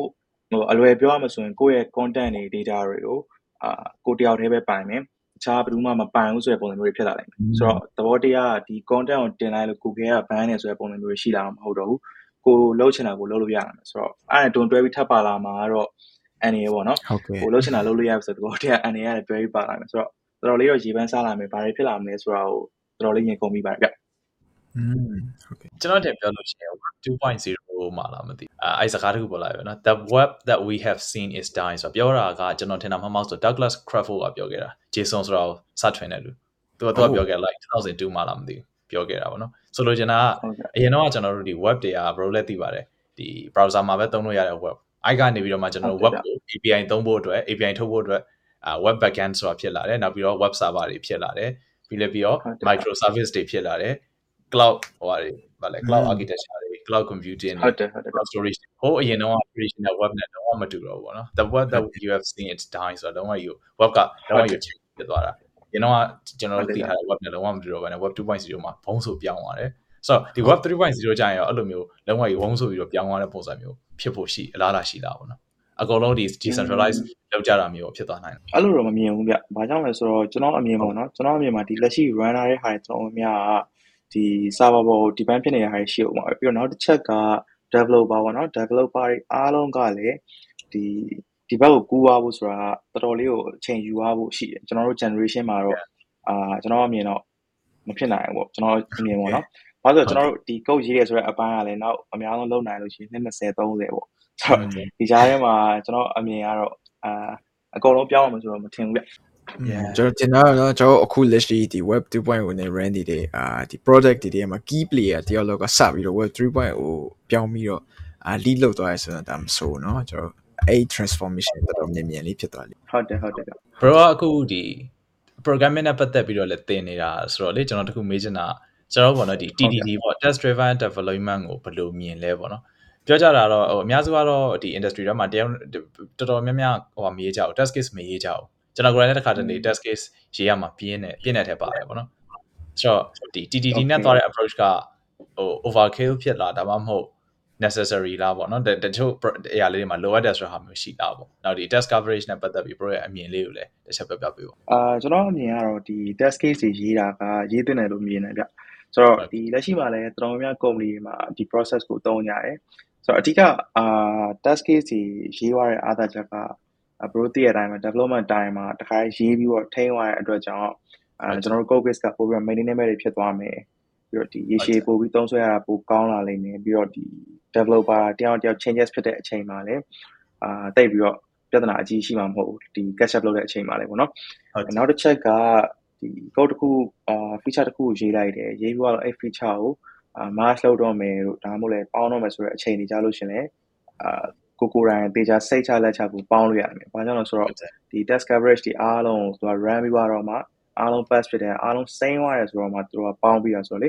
ဆိုတော့အာအများကြီးပို့ပြီးတော့ဒီတိုင်း pro ဒီ product ကို release လုပ်လိုက်တာလည်းစာလို့ရှင်ဟုတ်တယ်ဗျပို့ပြီး confidence ရှိမယ်လို့မြင်တယ်ဗျအဲကျွန်တော်အမြင်ရဆိုတော့ DDD သုံးတာကတော့လိုအပ်တယ်လို့မြင်ပါတယ်ဟုတ်ဟုတ်ကဲ့ဆိုတော့ bro ဒီအကြောင်းသားတွေကိုပေါ့နော်စာသင်တဲ့အချိန်မှာရောဒီ DDD approach နဲ့ အဲ့လိုသင်ပေးတာမျိုးတွေရှိလားဥပမာ test case အရင်ရေးပြီးတော့မှ test case ရေးလိုက်တယ် fail ဖြစ်သွားတယ်ပြီးတော့မှ class ဆောက်လိုက်တယ်ပြန် run လိုက်တယ် succeed ဖြစ်သွားတယ်နောက်ပြီးတော့ feature တစ်ခုထပ်တယ် test test case မှာ feature တစ်ခု set လိုက်တယ် run လိုက်တယ် fail သွားတယ်ပြီးတော့အဲ့ feature ကိုတကယ် implementation မှာသွားရေးတယ် test case ပြန်လိုက်တယ် run လိုက်တယ် red green refactor ပေါ့အဲ့လိုအဲ့လို approach နဲ့ train ပေးတာမျိုးရှိလားโอเคဗျဆိုတော့ဒီအပိုင်းမှာကျတော့ကျွန်တော်လာအရင်ရှိခဲ့တဲ့ course တွေအားလုံးမှာကျွန်တော်မလုပ်ဘူးသေးဘူးဗျဒါနဲ့ကျွန်တော်နောက်ပိုင်း Laravel course update မှာတော့ကျွန်တော် update တော့မဟုတ်ဘူးเนาะနောက်ထပ် course တစ်ခုအခွဲအနေနဲ့ကျွန်တော်ဖွင့်ဖို့တော့စဉ်းစားထားတယ်ဗျဒီ course မှာဆိုလို့ရှင်တော့ TTD ကိုသုံးပြပြီးတော့သူ့ရဲ့အဓိကအနှစ်ကိုကျွန်တော်ပြပြီးတော့သင်မသင်သင်ပေးဖို့စိတ်ကူတော့ရှိတယ်။ဘာလို့ဆိုတော့ကျွန်တော်ဥနာပြောလိုမျိုးပဲဒီဒီ recurrent approach ပေါ့နော်။အဲအဲ့ဒီဟာလေးကတော်တော်လေးကိုသိတာတယ်ဆိုတာကိုကိုရိုင်းလောက်မှသိလိမ့်မယ်။ပြီးတော့အာသူ့ရဲ့အားသာချက်ကလည်းဥနာပြောလိုမျိုးပဲ feature တစ်ခုအကြီးရေးပြီးထည့် covid အကြီးတဲမှာထည့်ရခြင်းကြလို့ရှင်ပို့ပြီးသိတာလိမ့်မယ်။ စစချင်းမှာတော့ overkill ဖြစ်လိမ့်မယ်ဗျ။စစချင်းမှာတော့လောက်ကစားမှာပို့ပင်ပန်းမယ်ပို့ပြီး afford ထုတ်ရမယ်။ဒါပေမဲ့နောက်ပိုင်းကျရင်တော့အဲ့အရာတွေအားလုံးကအာပြောရမဆိုကိုစိုက်ထားတဲ့အပင်ရဲ့အသီးပွင့်ကိုစားရတယ်လို့မျိုးပဲအားလုံးလွယ်လွယ်ကူယုံကြည်နဲ့သွားလို့ရပြီဗျဆိုတော့ကျွန်တော်သွားဖို့တော့ရှိပါတယ်ဟုတ် TTD ကကြတော့သူကဆက်ဆက်ချင်းမှာဆိုလို့ရှိရင်သူရဲ့ဟာ slope slope ပေါ်သွားတယ်ကာဟိုပါပေါ့နော်ဒီ linear ပုံစံမျိုးနဲ့ linear ပုံစံမျိုးနဲ့သွားတယ်သူကဒီလိုမျိုးရွှီဆိုပြီးတော့လုံးဝထောင်တက်သွားတာဟုတ်တယ် TTD ကို မသုံးဆိုလို့ရှိရင်ဆက်စားချက်မှာတဖေးဖေးကတော့ဆက်စားချက်မှာမြန်နေရောဒါပေမဲ့ကြီးကြီးကြီးကြီးလာလို့ရှိရင်အဲ့ရကိုကပို့ပို့လာလိမ့်မယ်ဗျပြီးပြီးလာပြီးတဖေးဖေးနှင်းနှင်းနှင်းနှင်းလာအောင်တီတီတီကြဘာဖြစ်လဲဆိုတော့ဆက်စားချက်မှာဒါနှေးတယ် speed ကဒါနှေးဘာလို့လဲဆိုတော့ကျွန်တော်ကတုတ်ကိုနှစ်ခါပြန်ရေးရတယ်လို့ဖြစ်နေ test case တွေ mock တွေ spine တွေ step တွေအဲ့ဒါတွေကစာရေးနေရတော့ဆက်စားချက်မှာလည်းနှေးဟုတ်တယ်ဟုတ်တယ်ဒါပေမဲ့ဟိုဘယ်လိုခေါ်မလဲ project တက်တန်းကြီးလာရင်ကို product ရဲ့တက်တန်းပို့ပို့ပို့ပို့ကြီးလာတဲ့အချိန်ကြာလို့ရှိရင်အားသိတာပါဥပမာတခုပြင်ချင်တယ်ဆိုကျွန်တော် manually like test ရမလို့တော့ ကောက်ပြီးတော့ညာပြလိုက်တယ် test case တွေ run လိုက်တယ်အားလုံး okay တယ်ဆိုလို့ရှိရင် manually test ရလုံးဝမလို့နောက်ပြီးတော့ကျွန်တော်ပြတဲ့အတိုင်းဒီအခုပလာကို manually စစ်မယ်ဆို9မိနစ်လောက်ကြာတယ်ကိစ္စကဒီ test case ကို run လိုက်လို့ရှိရင်10မိနစ်လောက်လည်းကြာနေကြမယ်တခါလေကြာလို့ရှိရင်ကျွန်တော် CI/CD pipeline နဲ့ပါချိန်ထားလို့ရှိရင်တော့ပြီးသွားပြီဟုတ်တယ်ဟုတ်တယ် at least ကတော့ confidence နဲ့ company တော်များများလည်းဒီ process ကိုသုံးကြရတယ်ဗျ CI/CD pipeline နဲ့ချိန်ထားတဲ့ပုံစံမျိုးတွေอืม stop on the road test coverage ကိုဘယ်လိုမြင်လဲဒီ statistically သွားတာမျိုးလားဒါမှမဟုတ်သူ scenario ပုံမူတည်ပြီးတော့ သွားတာမျိုးပို့သဘောကျလား Okay bro ဆိုတော့ဟိုတေချာတခုကတော့ကျွန်တော်တို့ဘယ်လောက်ကြီးပဲ test ကိုအာရေးသည်ပြောပြောအာအကုန်လုံးကို cover ဖြစ်အောင်ရေးနိုင်မှာတော့မဟုတ်ဘူးဗျဆိုတော့အာဒီ project ရဲ့အဓိက main ပေါ့နော်ဒီ feature တစ်ခုရဲ့ main အပိုင်းတော့အဓိက cover ဖြစ်ဖို့ပဲကျွန်တော်တို့ focus ထားလို့ပဲရတယ်မယ်။ဘာလို့လဲဆိုတော့ရှိသမျှအပိုင်းအကုန်လုံးကိုရေးမယ်ဆိုရင်ကျွန်တော်တို့က development time မှာလိုက်ပြီးကြာသွားလိမ့်မယ်။အဲဒီအတွက်ကြောင့်အာ company တွေကလည်းအဲ့ပုံစံကိုလက်ခံမယ်လို့မထင်ဘူး ဆိုတော့ဒီပုံစံလေးသွားနေတာကိုယ်နိုင်ကပဲအဆင်ပြေလို့မြင်တယ်ဗျကျွန်တော်တို့ဒီတကယ် main အပိုင်းတစ်ခုကို cover ဖြစ်အောင်ရေးမယ်ရေးပေါ်တော့အဲ့ feature ကို develop လုပ်လိုက်မယ်ဆိုတော့အဲ့ပုံစံလေးသွားနေတာနဲ့တင်အဆင်ပြေလို့ကျွန်တော်မြင်ရတော့မြင်ပါတယ်ဗျဟုတ်ကဲ့ပါအာဆိုတော့နော်အာ Brody web app တွေ develop တဲ့အခါကျရင်ကျွန်တော်တို့အာတွေ့ရလိရှိတယ်အာအဓိကနှစ်မျိုးဆိုရင်ဗျာကျွန်တော်ဒီ traditional web app တွေရှိမယ်ပြီးကျွန်တော်အခုဒီ view တို့ဘာလို့နေရေးတာဆိုရင်ကျွန်တော် single page web app တွေလည်းတွေ့ရတယ်ပေါ့နော်ဆိုတော့အာ yeah အဲ့နှစ်ခုက bro UX အရာဆိုရင် bro ဘယ်ကောင်ဘာကွာဝမယ်လို့ bro မြင်တယ်ဗျဘယ်ကပိုကောင်းတယ်ထင်လဲอืม UX ဘက်ကကြည့်မယ်ဆိုလို့ကျွန်တော်သိကြပါတယ် bro အဲ့ဒီ single page application တွေကတော့အများကြီးပိုကောင်းနိုင်မယ်ဘာကြောင့်လဲဆိုတော့ page refresh လုံးဝမရှိပါဘူး အဓိကတော့ component swapping တွေလုပ်နေတာပေါ့နော်ဆိုတော့ဒီအာ page တစ်ခုနဲ့တစ်ခု chain သွားတယ်ဆိုတာ user မြင်ရတာ page chain သွားတာတကယ်တမ်းကဘာမှမဟုတ်ဘူး JavaScript ကပဲနှစ်ခုကောက်ပြောင်းလိုက်တာဆိုတော့အများကြီးအများကြီးပုံမြန်တယ်အများကြီးပို့ပြီးတော့ UX ကပိုကောင်းတယ်ဗျဟုတ်ဒါပေမဲ့အာ maintenance နဲ့ duration အပိုင်းမှာဆိုလို့ရှင်တော့အာကျွန်တော်အမြင်ကတော့နှစ်ခုလုံးမှာဒီ project setup လုပ်တဲ့အချိန်ကလွဲလို့ကျန်တဲ့အချိန်ကတော့တိတ်ပြီးတော့မကွာပါဘူးဗျ အာနည်းနည်းလေးတော့ဒီ single page application ကတော့ effort ပိုသုံးရနိုင်မယ်အာဘာကြောင့်လဲဆိုတော့ API နဲ့ခေါ်သုံးရတာတို့ဘာလို့ဒါလေးတော့နည်းနည်းပိုပြီးချိန်ပေးရမှာရောရှိတယ်ဗျอืมဟုတ်တယ်နော်อืม အဲ့လိုမျိုးပေါ့နော် single page app ဒီကြတော့ bro ဒီ history အဲ့လိုပေါ့နော်ကျွန်တော်ဒီ user ရဲ့ဝင်သွားတဲ့ URL history ဘာကြတော့ bro ဘယ်လို maintain လုပ်လို့ရှိလဲပြီးတော့တစ်ခါကြရင်ရှိကျွန်တော်က web page ကိုကျွန်တော်ကဒီအကောက်ကိုစိတ်မှန်းနေပေါ့နော်ဥမာ slash slash slash လေးနဲ့ဝင်သွားတဲ့အခါကျရင်ကျွန်တော် single page app ဒီမှာ handle လုပ်ရတာဘယ်လိုပုံစံမျိုးရှိလဲ bro อืมဒီကောင်တွေမှာကြားလို့ရှိရင် single page application မှာ breadcrumbs လို့ခေါ်တာပေါ့နော်အဲ့ဒီပိုင်းအနေနဲ့ကျွန်တော်တို့ထိန်းထားတယ်ဆိုတော့ဒီပြောရမှာဆိုရင် user javascript နဲ့ပဲပေါ့နော် user page တစ်ခုဝင်သွားတယ်အဲ့ဝင်သွားတဲ့ page ကိုကျွန်တော်တို့ကအာပြောရမှာဆိုရင်ဒီ state management tool တစ်ခုဖြစ်တဲ့ Vuex တို့ Redux တို့ဆိုတော့အဲ့ဒီတစ်ခုနဲ့သုံးပြီးတော့အာဒီ global state တစ်ခုနဲ့အဲ့ထဲမှာ array တစ်ခုစောက်ထားမယ်ဒီ array ထဲကိုမှထပ်ပြီးတော့ user ဒီ page ကိုဝင်လာရင်အဲ့ page ကိုဖြစ်ပြီးထည့်နောက်တစ် page တစ်ခုချိန်အောင်နောက်တစ် page တစ်ခုဖြစ်ပြီးထည့် နောက်တစ်ခုချိန်အောင်နောက်တစ်ခုဖြစ်ပြီးထည့်အဲ့ပုံစံသွားပြီးတော့အဲ့ array ကို loop ပတ်ပြီးထုတ်ပြတာဟုတ်ဆိုတော့ဒီပုံစံထိန်းထားကြများပါတယ်ဗျဟုတ်အော်ဟုတ်ကဲ့ Okay so နောက်ထပ် app တစ်မျိုးပေါ့နော်ကျွန်တော်ဒီနောက်ပိုင်းနေမှာတွေ့ရတာနောက်တစ်မျိုးက progressive web app တွေပေါ့နော် so အာ progressive web app တွေရောဘယ်လိုမြင်လဲ bro အာ PWA ကကျွန်တော်တို့ဒီတော်တော်များအခုအချိန်မှာသုံးလာတာများတယ်အဲဒါပေမဲ့ဘလို့ app တွေမှာသုံးတာများလဲဆိုတော့အများအပြားတော့ကျွန်တော်တွေးသလောက်က အာဒီ company အကြီးတွေကလွဲလို့တချို့အဲ website တွေပေါ့တချို့ illegal website တွေမှာသုံးတာများတယ်ဗျ။ဘာကြောင့်လဲဆိုတော့ဒီချို့ illegal website တွေကတကယ်အာသူတို့ APK ထုတ်ပြီးသွားရင် Play Store တို့အာပြီးရင် iOS App Store တို့ပေါ်မှာတင်လို့မရဘူး။အဲ့လို company တွေအနေနဲ့ PWA ကိုပို့ပြီးတော့ target ထားကြတယ်။အာဥပမာဖြင့်ဒီ ADS နဲ့ဆိုင်တဲ့အပိုင်းလုပ်တဲ့ website တွေပြီးတချို့ဆိုလို့ရှိရင်ဒီအာ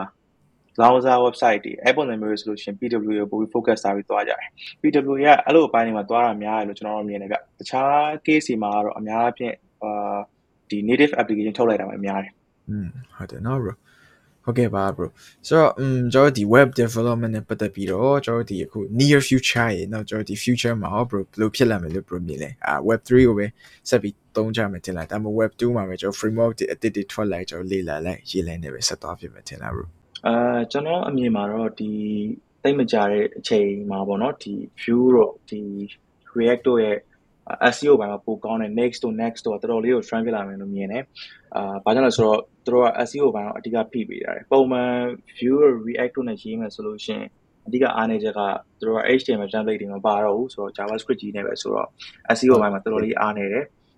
အဲ့ဒီဘိုင်းတွေကိုအခုဖိပေးတာဒီ next တို့ next တို့ကဖိပေးတာဆိုတော့ဒီဘိုင်းကတော်တော်လေးကို trend ဖြစ်လာမယ်လို့မြင်တယ်ဗျဒါပေမဲ့နောက်အချိန်တော်တော်ကြာတဲ့အချိန်တစ်ခုရောက်လာရင်တော့ bro ဦးနာပြောခဲ့သလိုမျိုးပဲ web 3ကနေရာယူလာမယ်လို့မြင်ပါတယ်